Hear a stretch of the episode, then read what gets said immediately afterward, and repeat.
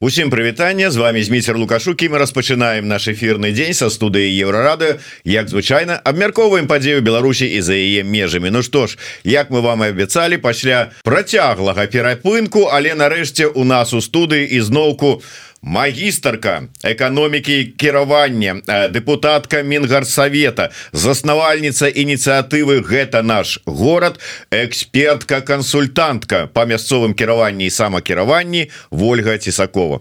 Прывітанне Вольга. Добрый день. Я адмыслова перапісаў вот усе рэгаліі каб больш так паважна это выглядала але мяне не перастае здзіўляць адно з іх. Депутатка мінгарсавета. До гэтага часу афіцыйна вот так вот депутат маткой вот вот гэта як это там прапагандысты любяць гаварыць вот эти вот все там э, нават не не з'ехаўшыя як яны там гавораць Ну караце кажучы вот ужо не там а тут а по-ранейшаму депутатка як да. так атрымліваецца Да все никак не отпускают совершенно не, не хотят чтобы я расставалась с этим прекрасным званием хотя чтобы я его донесла эти шесть лет вот я уже на низком старте жду когда когда все закончится и можно будет вычеркнуть эту строку из своей биографии слухайте ну атрымлівалі б вы заробак Калі б, так, ну, было б добра да а так? Ну вот вот які сэнс вот я не разумею.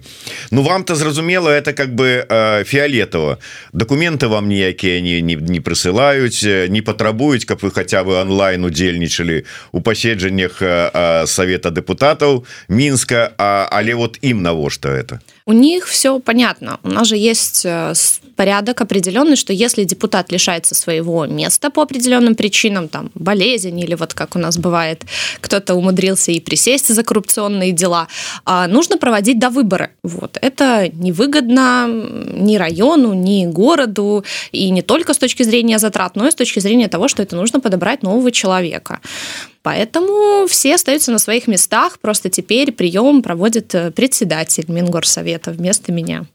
Атрымліваецца інтарэсы выбарцаў э, района мінска які вот ад якога балатаваліся і былі абраныя вы а зараз ну ніхто не прадстаўляеце прадстаўляе старшыня э, да, технически да можно прийти. На сайте они поменяли что прием ведет председатель в данный момент Мінгорсавета Ну калі мы уже так плаўна перайшлі до тэмы э, выбарчых электаральных кампаній нават язык неяк не паварачваецца сказаць выбарчых э, хоць вы так э, і не распавялі нам э, як все ж таки і якія структуры ў свой час праводзілі э, вашу узгадненне вашай асобы на пасаду депутата мінгарсавета. Але тым не менш э, набліжаецца гэта чарговы электаральны цикл адзін і дзень галасавання. Ну по-першее нарэшце вы перестанете я так разумею быть уже депутаткой действующий да то есть это останется но вот 28 созыва сейчас собирается 29 а, а по-другое як вы вот с пункту гледжання дасведчанага человека які прайшоў гэты час успрымаете Ну и плюс прайшлі вот гэтую все что пасля было этапы успрымаете тую кампанію якая зараз плануецца ці ўжо распачалася у Беларусі компания это идет уже давно, то есть мы скорее уже подходим к финишной прямой. И как мы с коллегами недавно пошутили, что в Беларуси проходит своя СВО, потому что специальная выборчая, да, выборная операция. А те обстоятельства, в которых проходят э, выборы, они не типичны для Беларуси. Стоит сказать, что, конечно же, изначально выборы местных советов должны были пройти в 2021 году до изменения Конституции, да, до того вот этого введения единого дня голосования. И э, территориальные комиссии, люди в эти комиссии подбирались уже на этапе 2021 года, по моим сведениям и тогда уже наблюдались определенные системы. Поэтому закрытие, например, списков членов избирательных комиссий для меня совершенно не стало чем-то новым. Это было ожидаемо, потому что в 2021 году люди не хотели идти, в 2023 люди тем более не хотели идти и участвовать Э, скажем так, в этой электоральной кампании. А, из других тенденций, которые мы наблюдаем, а, это режим просто повышенной секретности. То есть, в принципе, смещение вот этого э, мероприятия на февраль, когда все подготовительные этапы проходят в декабре и в январе. То есть, например, если человек хочет выдвиж... Э, выдвинуться самостоятельно, сбор подписей, подача документов, это все приходится на период новогодних праздников, что, естественно, притупляет интерес, собственно, и кандидатов, и, естественно, избирателей.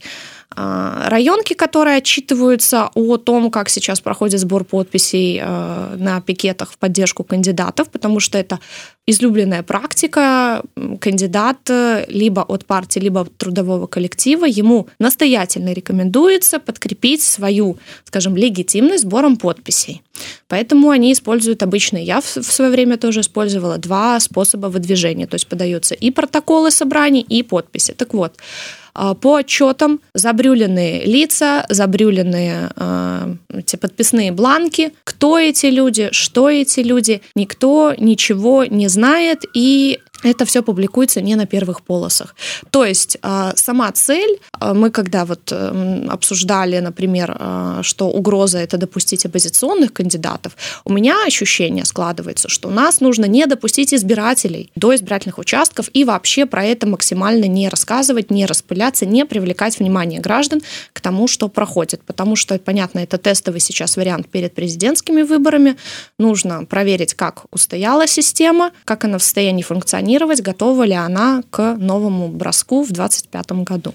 Вот э, у мяне адразу э, два пытания тут з гэтай нагоды узнікае э, по-перше то есть ну вот э, вот это невядома э, хто у выбарчых камісіях і фактычна там как бы вот заблюраныя как вы кажете там э, імёны э, тых прэтэндэнтаў у депутаты э, так званые. То есть это что вот это нормально? Ці чаго яны боятся? Вот з чым это звязано як як вот вы тлумачыце это сабе это совершенно ненормально. Я говорю, это э, направлено только на то, чтобы не привлекать внимание людей. То есть до участков долж, до, должны дойти только те, кто зависим от государства, то есть бюджетники, которые в любом случае пойдут голосовать, чтобы у остальных граждан, у которых могут быть свои мнения, да, могут быть свои пожелания кандидатам, они вдруг могут смутить их какими-то вопросами, да, из разряда, а почему вы вообще... А такие застались? Да, есть еще такие люди. Слушайте, ну вот, э, глядите, э, у нас, э, у меня такое отчувание, что у нас застались, э, ну, альбо бюджетники, альбо тым ці іншым чынам люди залежные. Коли мы кажем про бюджетников, ну, это зразумело, кто, починаючи там от э, так званых э, силовиков, там, милиционеров, всех остальных, ну, и далее там чиновники, докторы, э, наставники, и гэтак далее, ну, зразумело, кто, и они зразумела что яны залежаць. Але калі нават браць там супрацоўнікаў прадпрыемстваў но яны ж таксама залежныя ўсе. У код на кожным прадпрыемстве ёсць зараз і адказны за ідэалагічную працу які будуць будзе кантраляваць пайшлі людзі не пайшлі а Мачыма нават запатрабуе там як каб подцвердзілі за каго яны галасавалі а не звальнение там ці пазбаўлення прэміі ці яшчэ что-нибудь Ну то есть уплываць можна. То есть усе залежны залежныя усе могуць ісці спокойно галасаваць э, тому что яны залежныя Ну нету доверия. Нету доверия к людям. Оно было утеряно в двадцатом году и не вернулось. Не было бы смысла проводить такие репрессии и принимать все эти меры если бы э, чиновники и госаппарат был уверен в том что они устоят на двух ногах. Такой уверенности нет. Поэтому для бюджетников помимо принудительного механизма сейчас используются плюшки. Это естественно с 1 января да, увеличение и минимальной заработной платы базовая ставка пенсии повышают с февраля, чтобы как раз-таки в феврале пенсионеры получили прибавку, которая выглядит достаточно значительной, и пришли, проголосовали, чтобы было понятно, кому говорить спасибо. То есть все равно используется этот метод, потому что, ну, я имею в виду кнута и пряника, и пряник дается, потому что все равно даже при таком уровне контроля находятся неблагонадежные. Мало того, что неблагонадежные, так есть еще люди, которые действительно выдвигаются депутатами, и мы проводим сейчас такую небольшую кампанию по поддержке этих людей. Так колькасць піша глядач под нікам Макссім колькасць беларусаў якія не залежаць ад дзяржавы не вельмі паменшылася пасля двадцатого года. Ну Мачыма і так. А, тата піша бачыла як на вуліцы стаялі дзяўчаты у шаліках белой Русі агітавалі за нейкага депутата ніхто да іх не падыходзіў. Сорамна было на іх глядзець. Маладыя а таким лайном займаюцца Ну відаць А што рабіць ці может быть сапраўды как бы люди ну лічаць что так правильно что именно считают правильным? Не голосовать? Не не не я маю на увазе вот зараз ты хто удзельнічае там у нейкай этой выбарчай кампаніі як это сборщики подпісаў ну грубо кажучы там сябры ініцыятыўных груп тады атрымліваецца так да в какой-то степени это тот же самый социальный лифт. Сейчас в Беларуси не так много возможностей для легального активизма и участия вот в таком плане в электоральной кампании. Это своего рода легальная форма занятия. К тому же сейчас появилось много молодых людей, да, которые, для которых эти выборы будут первыми, начиная с 2020 года, которые не застали и, возможно, не имеют всей картины, скажем, открывшегося нам тогда, они подходят к этому моменту, и для них это что-то новое. И если за это дается премия, то почему бы не постоять на пикете? И в данном случае у меня одно замечание, что если бы вы увидели, что за кого-то агитируют, можно даже написать обращение в прокуратуру, потому что период агитации еще не начался. Они могут только собирать подписи в поддержку. Ну, бачите, там вызначенные и пэўные месцы, где можно, где нельга збирать подписы, но калі ты прадстаўнік там сябра там ці скажем кандыдат от белой Руси то чамусьці там где нельга там можно вот как как-то вот э, законы як заўсёды не працуюць ці там скажем иногда не до законаў ці працуюць так як трэба. Ну але здаецца так заўсёды было. Да единственное что остается у простых граждан это действовать букве закона. То есть если вы хотите э, участвовать в этом избирательном процессе то здесь нужно действительно идти за каждой строчкой э, по избирательному кодексу выполнять все предписания поручения регулярно ходить к избирательной комиссии да вот писать какие-то жалобы обо всем всем репортовать скажем так вы зараз скажете про вот калі вы сказали так цитую калі вы хотите удзельнічаць то вы казали про патэнцыйных прэтэндэнтаў на кандыдаты ў депутаты да такие люди есть і э, у нас не... якія самі по сабе вот э, не пасля двадцатого года у іх яшчэ не знішчылі э, жаданне проявіць уласную ініцыятыву да скорее ты наоборот двадцатый год побудил э, участвовать в выборах сейчас потому что как я сказала ворота активизма закрываются э, нет сейчас возможности участвовать да не быть частью нко никакой партии политической да никаких э, других э, не знаю, даже, даже не политических образований. А ситуация на Земле очень сильно ухудшается, и оставшиеся возможности их по факту ну, по пальцам руки можно пересчитать. Это либо какие-то форматы активности, а подписать петицию, не знаю, написать обращение, написать письмо политическим заключенным, да, таким образом выражая свою солидарность, либо попытаться пойти в депутаты или в члены территориального общественного самоуправления. Вот и все.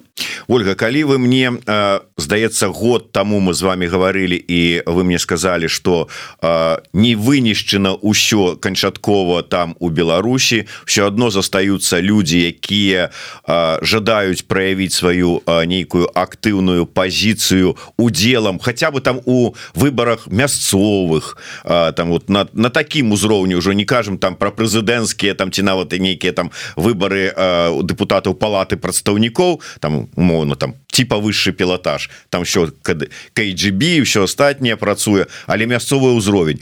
Я тады ну даволі скептычна поставіўся до ваших словаў. А зараз вот вы так працягваеце казаць про это у вас есть інфармацыя нейкая есть сапраўды нейкія звесткі про тое что скажем у коль пэўная колькасць людзей рызыкнула і вырашыла паўдзельнічаць у гэтых вот выборах да я сама консультирую этих людей на каждом этапе мы запустили небольшую кампанию с учетом того какая общая позиция была у оппозиционных сил еще летом озвученная по поводу позиции бойкота и так далее мы решили с командой не выходить вот в общее инфополе и не переубеждать людей которые категорично категорично стоят на своем и направить наши ресурсы на поддержку людей, которые замотивированы, которые сами выразили желание пойти кандидатом в депутаты. У нас есть небольшой бот, он называется «Народный депутат 24 на 7».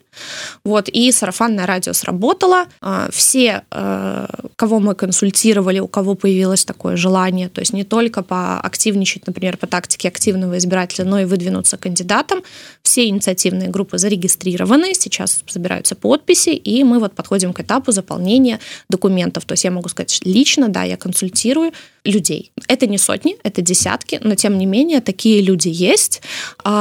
Посмотрим, допустят ли их э, до уже процесса агитации, потому что проще всего зарубить это, конечно, на этапе э, документов, которые подаются до 15 января. Поэтому вот к февралю будет понятно, какое количество людей из них действительно будет претендовать уже и войдет в агитацию, и там программы будем писать и так далее. Ольга, а вот вы же ими размаўляете с гэтымі людьми вот что яны кажуць? Якая у іх мотывация дакладней якія у іх ну спадзевы? Что яны хочуць? Вот ісці каб что Это было очень интересно, потому что до того, как попасть на этап консультации, мы делали форму, и там вот один из вопросов было, напишите, пожалуйста, вашу мотивацию участия.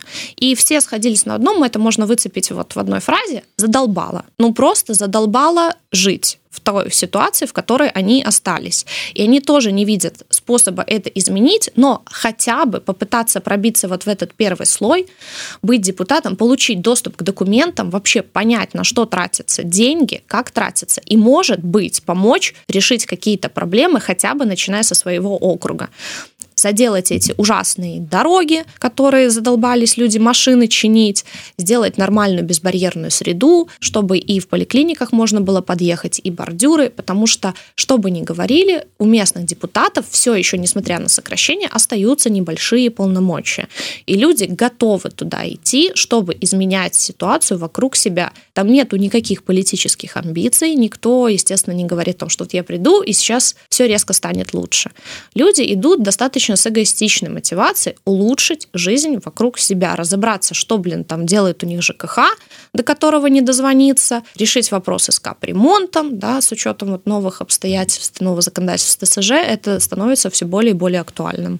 Ну, вот мы до этой темы э, улику новых обставинаў э, вернемся яшчэ мне просто ведаеце дзіўна асабліва вот вы можете скажете с, с таксама со свайго досведу які маеце ў якасці депутата у мяне былі некалькі ну на той момант все ж таки актывістаў дэмакратычных партый але гэта было там 15-17 гадоў тому. Тому как бы іншыя часы іншае стаўленне яны былі депутатами прайшлі депутатами мясцовых советаў Ну скажем один был депутатам на жаль пайшоў жыцця человек колькі гадоў тому але гадоў 17 тому он был депутатам вілейскага гарсавета і он таксама ішоў туды с тым каб вот атрымаць нейкі доступ до да документаў як бюджет мясцовы куды ён траціцца як ідуць вот ну тое пра што вы казалі.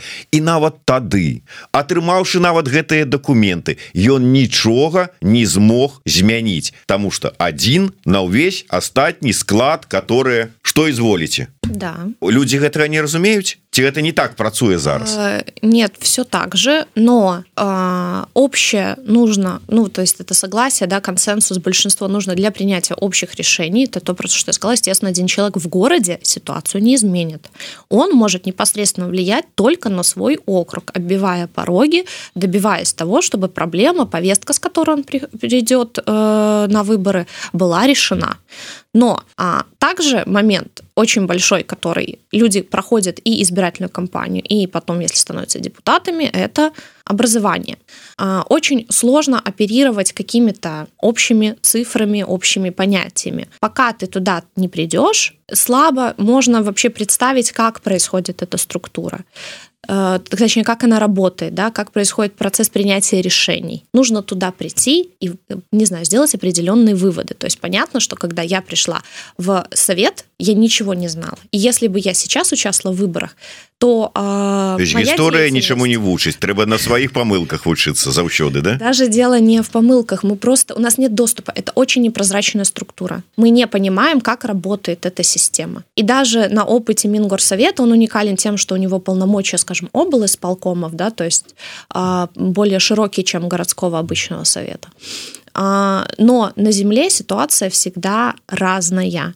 И удивительно, но еще остаются люди и чиновники в том числе, которые очень сильно пекутся о своей, скажем, вотчине. И они тоже заинтересованы в том, чтобы что-то изменить. Да, возможно, им не по чину.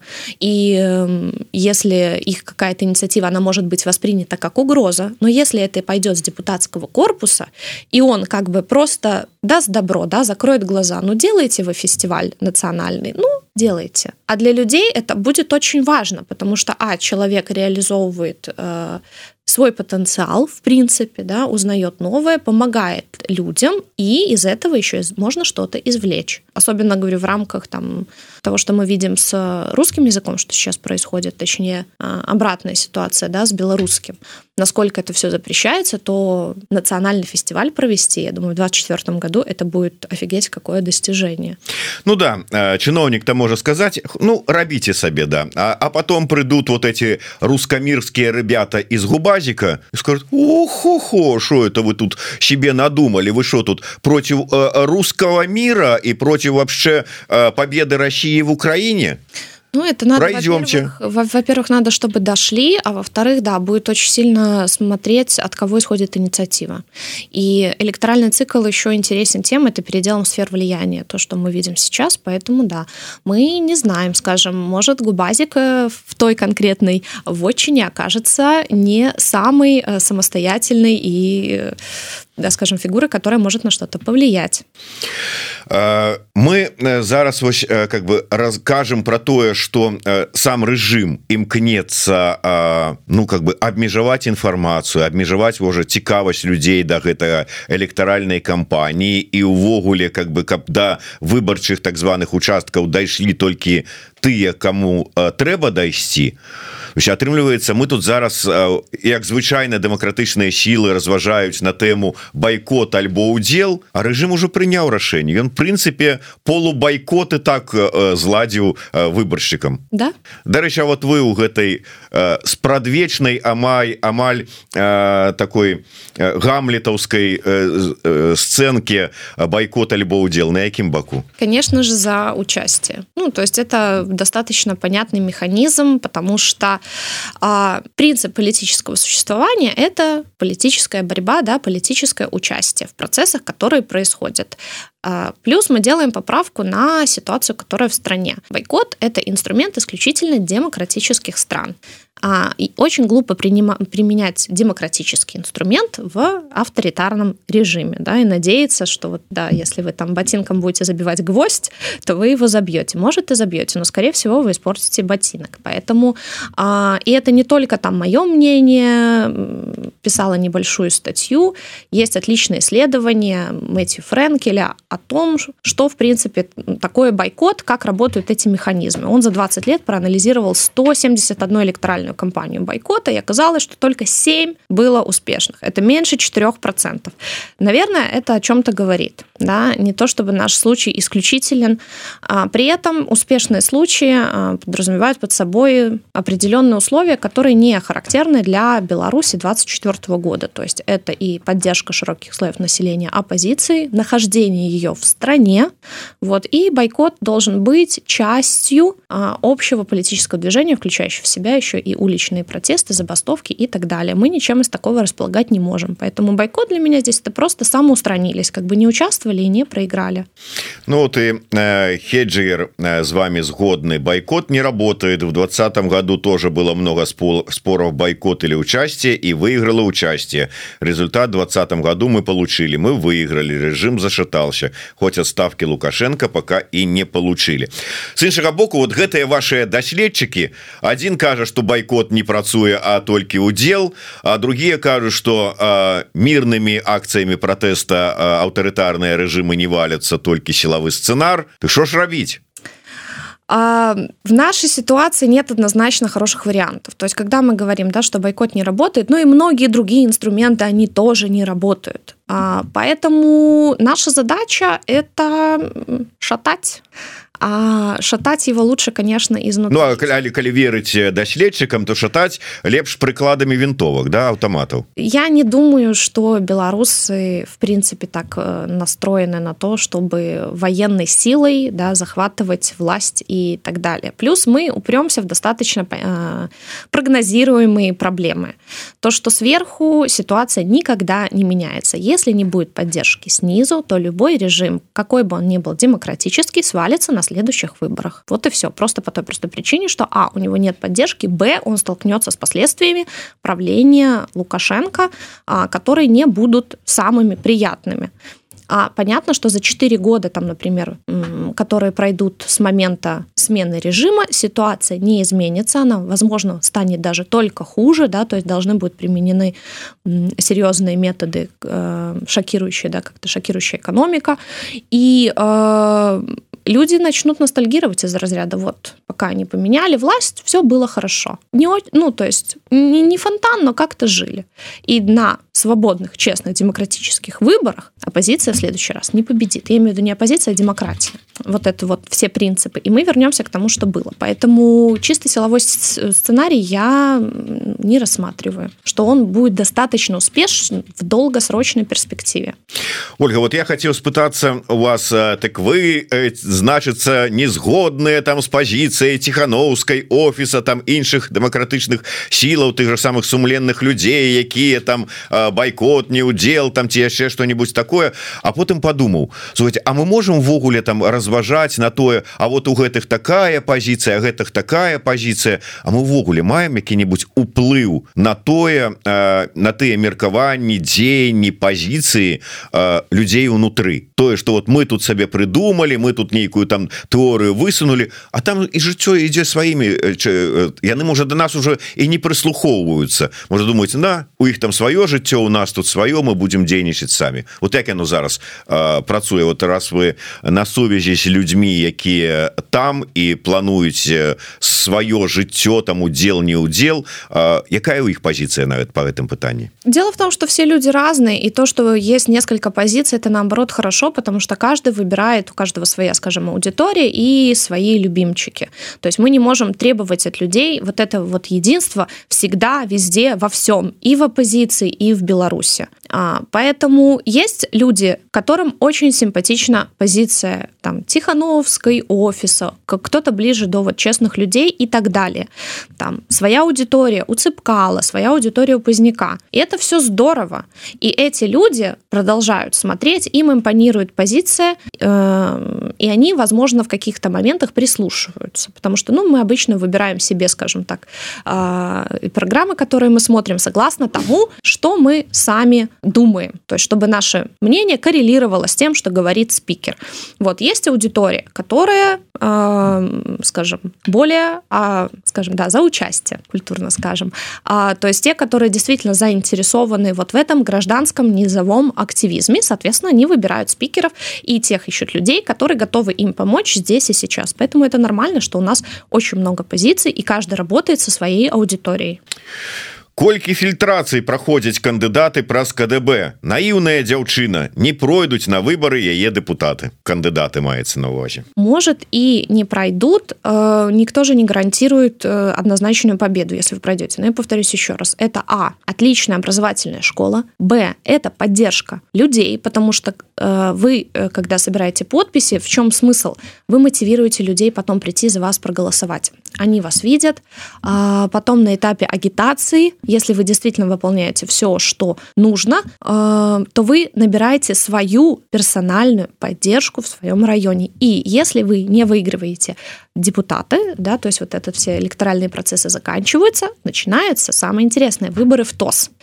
Выборы – это очень громко сказано, потому что даже сама власть не организовывает их так, как э, надо, да, согласно законодательству. То есть, если я говорила, если мы хотим поучаствовать в избирательном процессе а в качестве кандидата в депутаты то надо идти согласно букве избирательного кодекса, то в ТОСы, кто пришел, того и тапки. Вам надо, а, мониторить объявления, б, привести вот этих вот 10-20 э, своих друзей, товарищей, соседей, которые за вас проголосуют. Вы можете стать не просто членом ТОСа, но и председателем.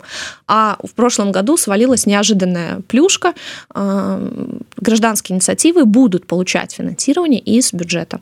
И вопрос в том, гражданская инициатива это будет э, предложение ЖЭСа починить скамейку, или это будет предложение КАТОСа, да, провести, я говорю, там, фестиваль, не знаю, сделать детскую площадку и так далее. То, что выберут сами граждане. И вот это вот местное самоуправление, то, о чем мы говорим, вот, то есть это, я бы сказала, подготовительный этап. А, вот вас тут падтролліваюць ольга некалькі. Па-першае я не разумею аб чым разважае дзяўчыны якія выборы ў сённяшняй беларусі. Яшчэ одна алена жываглот. Пойдзем поставим два крыжыкі. А чаго ольга збегла з беларусі калі верыць что тут можна штосьці рабіць? Ну і гэтак далей гэтак далей. Ну Дайте, збегла і штосьці рабіць гэта ўсё ж таки розныя пазіцыі у сённяшняй Беларусі потому что нечым адзначыўся у пэўны перыяд і ты уже не зможешь нічога рабіць таму толькі да. і застаецца. Альбо э, за лайк там ці смайлік на нары альбо э, за мяжу. Але э, Вольга давайте звернемся до да, э, тоса але дакладней э, вот этой змены якія зараз унесеныя былі у все что тычыцца да, да таварыства уласнікаў гэтак далей чым якія небяспекі там схаваныя ў гэтых новых законапраектах і што могуць грамадзяне зрабіць Вообще, сама эта история с принятием закона э, выглядела очень интересно, потому что все поправки, то есть вот этот обновленный закон был предложен в августе на общественное обсуждение, то есть август 23-го. Э, на ТСЖ лично, видно, была обижена Качанова. Вот, ну и также э, один из мотиваторов, в принципе, этих э, новаций, то, что у населения активно изымаются деньги. А ТСЖ как раз-таки это та форма, то есть товарищество собственников, мы сейчас про них говорим, когда люди самостоятельно отчисляют деньги на капитальный ремонт, и они хранятся у них на счетах, и только жители да, могут э, иметь к ним доступ и распоряжаться по своему усмотрению. Вот. Видимо, скопилось достаточное количество денег, и власть очень сильно хочет закрыть те дырки, в частности, ситуацию с ЖКХ, на которую постоянно уменьшаются э, средства, выделяемые из бюджета бюджета. Поэтому э, ряд предложений, который был высказан правительством, это, во-первых, убрать вот эту историю с распоряжением деньгами, сделать общий счет в исполкоме, чтобы именно исполком хранил эти деньги и пользовался по своему разумению. То есть все деньги сбрасываются в общий котел и перенаправляются. То есть жители могут иметь доступ к этим деньгам только после согласования с исполкомом своих пожеланий. А с учетом того, что ТСЖ это обычно э, новые дома, то есть им капремонт в ближайшие 5 лет не понадобится, то эти деньги вот будут направлены на ремонт, на капремонт совершенно других домов, которые не являются частью ТСЖ чаще всего. Это первое. Второй момент, второй момент касается председателя, потому что это а, оплачиваемая должность, и была такая история, что э, один человек мол, мог быть председателем нескольких товариществ собственников, то есть нескольких домов. Сейчас такая норма была убрана. Один человек на один дом, плюс он должен пройти а, квалификационные курсы и может быть снят со своей должности, и тогда исполком назначает человек, который и будет и собирать с вас деньги, да, и ими распоряжаться. Неприятные вещи, а, они на удивление, да, у нас нет такого большого интереса к обсуждению законов проектов, но именно это обсуждение, там было 500 или 600 комментариев, и все они были негативные. А, законопроект отправили на доработку, два месяца вот сидели, сидели, и, кстати говоря, вот то, что закон, который вчера подписали, я не видела его еще полной формы, то есть не, э, непонятно, какие нормы они оставили или нет. А потом был разыгран целый спектакль. Вроде бы выдвинули закон, и вроде бы граждане отреагировали негативно, но провести его надо. Поэтому а, в декабре месяце на прием Качановой пришла женщина, недовольная работой ТСЖ. А в чем именно, что вот обманули, не так сделали, обманули по Почему? Потому что где-то насчитали НДС. А у нас, как известно, проходит нарратив, что пенсионеры НДС не платят. Да? Никто не будет объяснять, что это на самом деле за налоги и что мы их все платим, так или иначе.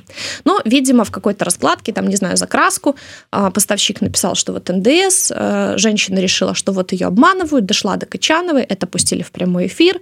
А, целая речь там разорилась опять Совет Республики на пять постов, что ай-яй, какие-то СЖ, обманщики, нет им веры никакой, срочно принимаем закон. И вот буквально на следующий день Совет Республики подписывает этот законопроект, вот и вчера а, Лукашенко подписывает уже закон, который вступает в силу после подписания.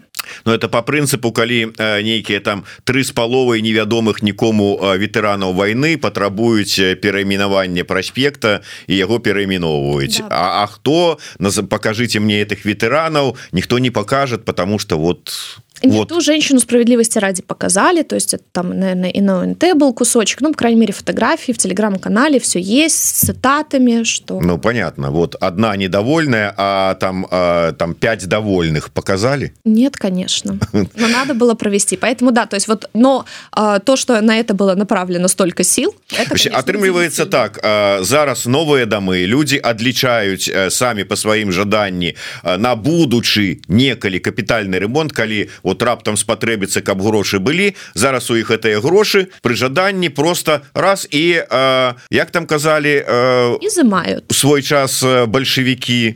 Экспроприация да. Да? Да, можно и так сказать а, дело же даже не в том что капремонт. То есть жители могут благоустраивать территорию на эти деньги. Не знаю решат построить шлагбаум дополнительные парковочные места. То есть мы говорим про благоустройство ну то есть в принципе то до чего жители сами могут на что жители сами могут влиять и не ждать вот как раз таки этих моментов не писать в горсоветы не писать в исполкомы выделите денег сделайте еще одну парковку ну вот теперь теперь нет а ввогуле як там прописано то есть гэта взяли і забрали гэтыя грошы ці что ці вот мы вот часова возьмем а потым калі вам трэба будзе вернем ці як это вот працуе вот я не разумею і навошта мне тады скидываться калі я не разумею дзе будуць мои грошы і что які лёс их чакае Ну, у нас никто не спрашивает, хотим мы или нет, да, все мы платим жировки, в которые в том числе входит капитальный ремонт, поэтому так или иначе деньги будут изымать, да, это будет один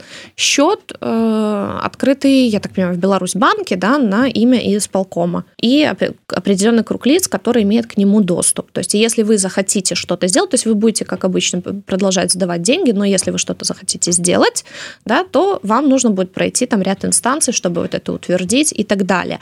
Но вы не сможете да, проверять пополнение этого счета, то есть вы не будете знать, сколько там будет денег, потому что, скорее всего, это будет один счет для всех ТСЖ, там, ну, на какой-то там, не знаю, на район, на город и так далее. Вот. А как будет распоряжаться исполком? Ну, вот посмотрим практику применения. И да, очень хотелось бы, наверное, а, чтобы какие-нибудь депутаты как раз-таки поделились с нами информацией, как это будет дальше.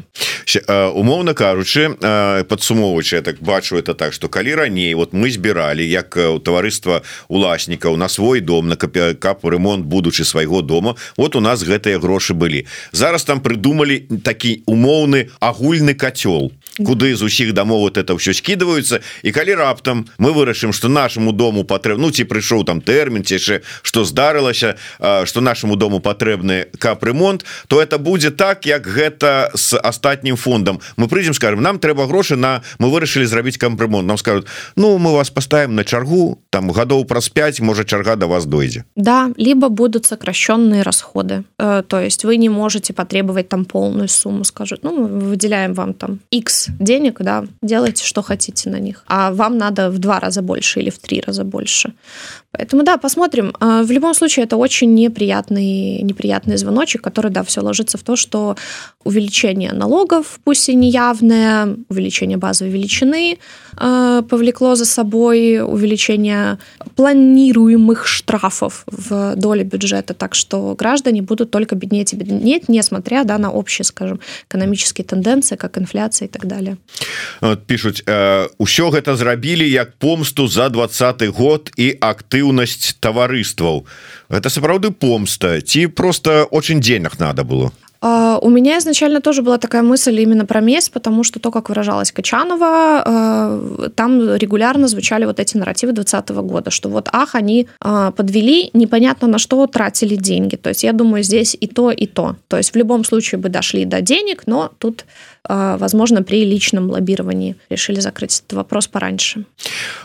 Скажите мне, як аўтар ініцыятывы закидывать качанову розными там лістами і просьбамі у гэтай сітуацыі шараговыя беларусы ось шараговыя сябры таварыстваў могуць что-нибудь змяніць зрабіць паўплываць А, сейчас уже нет. То есть была единственная возможность это общественное обсуждение, и дальше мы свое недовольство можем выражать сколько нашей душе угодно, но э, ничего не изменится. То есть э, громадское обмеркование, как показывая практика, э, пераваживают все меркования, выказанные ранее, с воротом одной умовной пенсионерки. Да, потому что вот эти вот общественные обсуждения, они должны иметь достаточно большой резонанс. То есть не оставаться в интернете, да, например, чтобы направили много обращений чиновникам, как это случилось после там этого дня, как это экзамен, который был общий угу. у детей. Вот, когда очень много родителей обратилось, тогда резко все переиграли. Вот если бы комментаторы не остались, то есть если бы э, вышли из просторов интернета, да, и написали те же самые обращения, очень много людей, и не только, например, лично Качановой, но, например, в академию, ой, какую академию, в администрацию, администрацию и так далее, то, э, возможно, что-то бы и открутили, и попридержали. Поэтому так как, э, как только фокус общественного внимания уходит, руки развязываются окончательно. Дарэчы, вот мы некалькі разоў узгадывали ваш гэтую вашу ініцыятыву гэта наш город можно больше падрабязна над чым працуеце что что даводите про свою инициативу?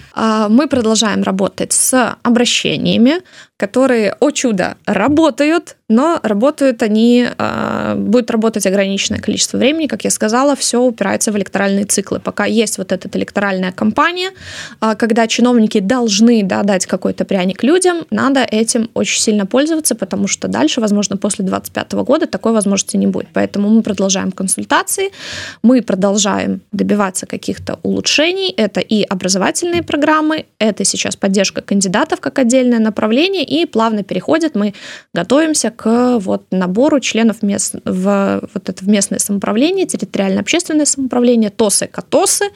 Да, возможно, всем, кто слышал, знает.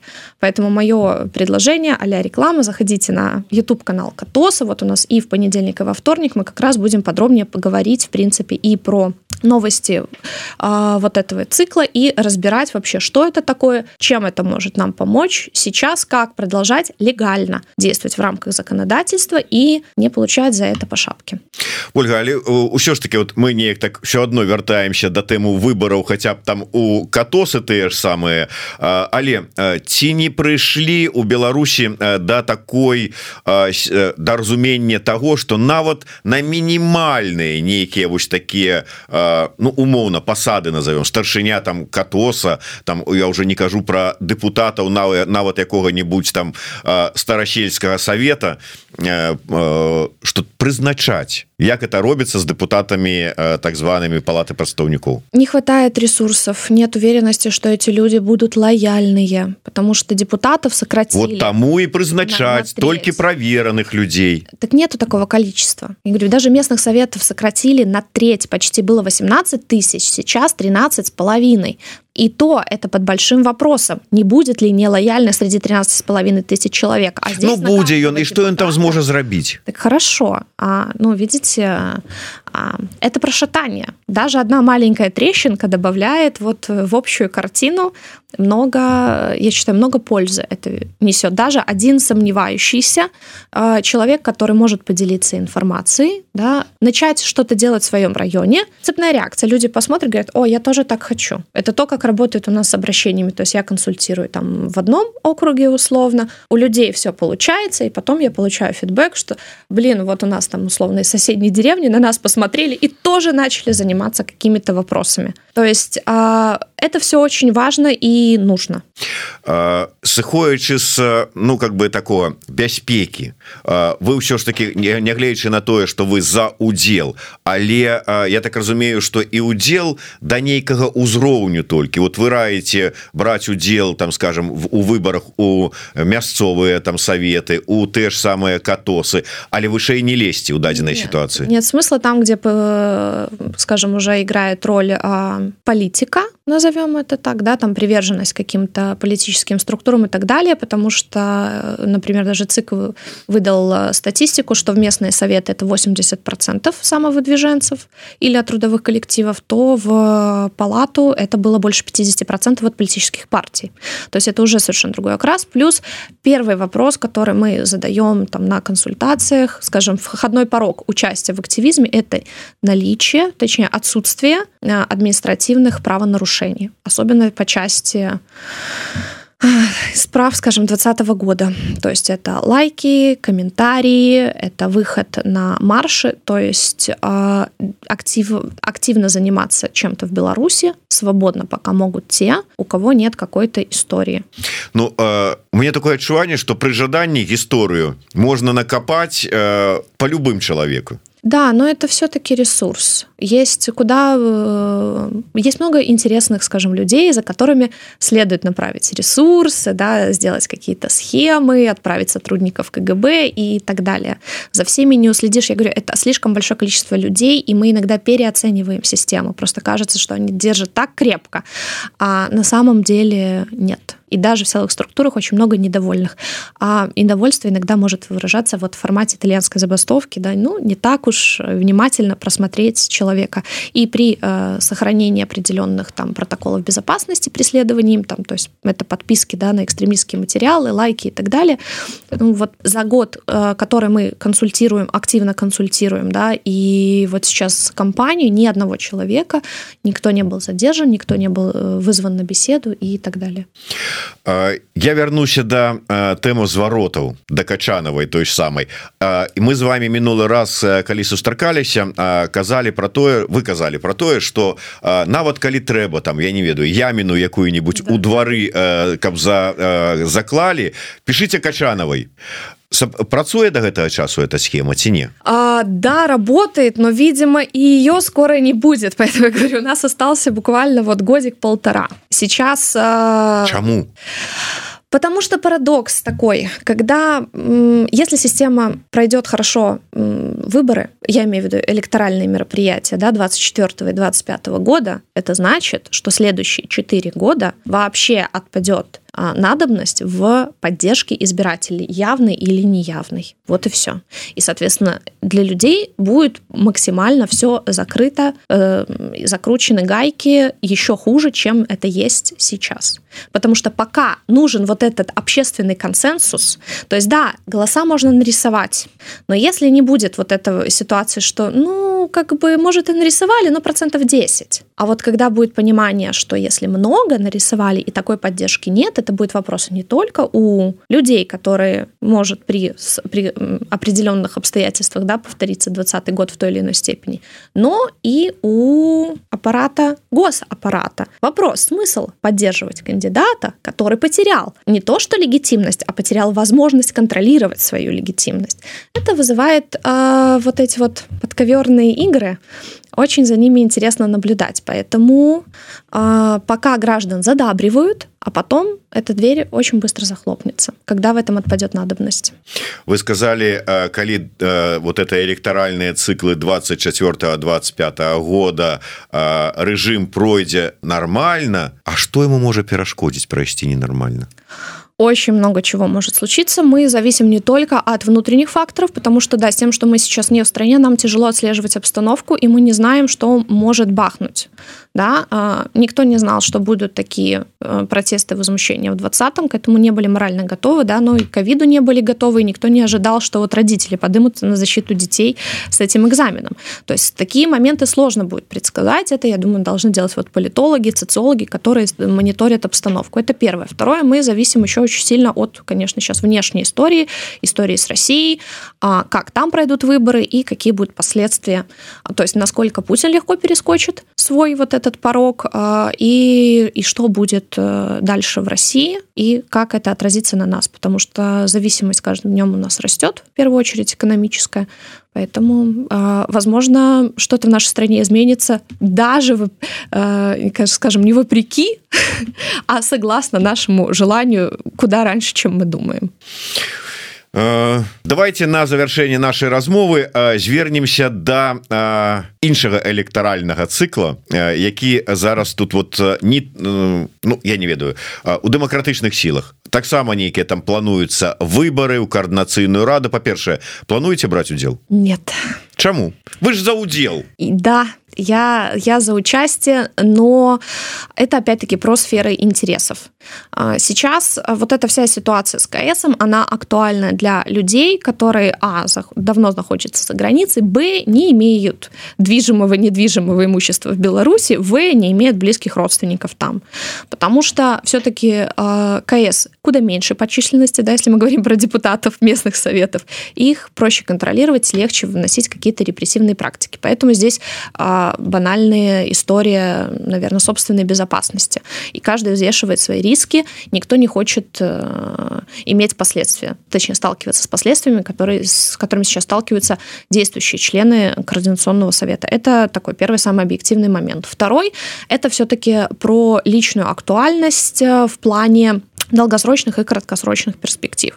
То есть долгосрочная перспектива КС, она, конечно, отличная. То есть это отличная платформа для э, обучения, в том числе, да, как вообще работает парламент. Столько людей прочитали, как проходят выборы, как по-разному их можно проводить, оказывается, да, то есть начинают э, какой-то нарабатывать опыт дебатов, отстаивания своей позиции, защиты своей позиции, политической позиции. Это все очень здорово и важно.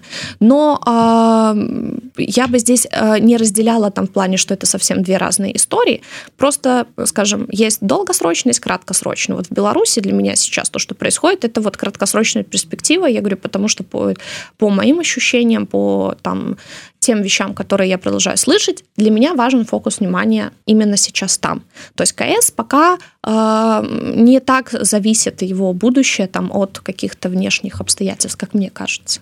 А ввогуле вот ваше меркаванне все ж таки як депутатки А ён патрэбны гэты КС вот нам тут вот у наших умовах э, я думаю да. Навошта потому что у нас нет практики политической культуры и ее надо где-то получать. И это такой вот формат в работы в поле, скажем так. Не все имеют возможность пойти, поучиться, да, проходить стажировки в разных странах. Поэтому наработка медийности в том числе, да, а, и, как я говорю, защита своей позиции, обучение, а, что немаловажно, потому что а, это больше упирается в самообучение, то есть тебе нужно много материала обработать, прочитать, договориться, коалиции создать, фракции. То есть это достаточно интересная работа, и я очень уважаю людей, которые туда входят. Э, слухайте ну калі гэта такая вот э, песочница где пагуляться у палітыку ці там навучыцца палітыку ці нулевы клас э, по навучэнню палітыкай ці то ці трэба так вот сур'ёзна з ім насіцца что мы ж тут цэлы КС мы тут прадстаўляем тут я не ведаю что вы прадстаўля народ там грамадзянскую супольнасці беларусаў выгнанні. Ну да здесь сложно понять что они представляют. Я имею в виду можем ли мы говорить о том что это действительно представление белорусов ресурсов, да, а, но точно, что они представляют, это свои интересы, и это тот бэкграунд, который можно будет потом перенести в действующую Беларусь, потому что это как раз-таки не будет а, отличаться от, а, выгодно отличаться от того, что останется в Беларуси, да, даже на фоне тех же самых чиновников, люди с бэкграундом. Когда э, у вас уже вот пройдет этот этап, вы наработаете медийность, материалы, вы к чему-то придете, и вы будете иметь опыт защиты своих убеждений. Вот что очень важно. И вы будете интересны для людей. Соответственно, вам будет проще пройти в тот же самый парламент и уже, скажем, на практике опробовать все те навыки, которые вы наработали. А, вы сочили за дзейнасцю вот зараз КС вот гэтага склікання по тягам апошняга колькі ну, Э, крыху больш за год ну, так, да, у мяне такое у мяне такое ўражанне было знаете як там швондзер казаў это какой-то позор у нас очень завышенные ожидания, потому что мы слабо представляем. Нам кажется, что это все вот так вот просто. Механизм, настроить механизм. Я это поддерживаю с позиции, что я сама такой человек, который, если не настроит, вот не, не будут понятны условия игры, во что мы будем играть.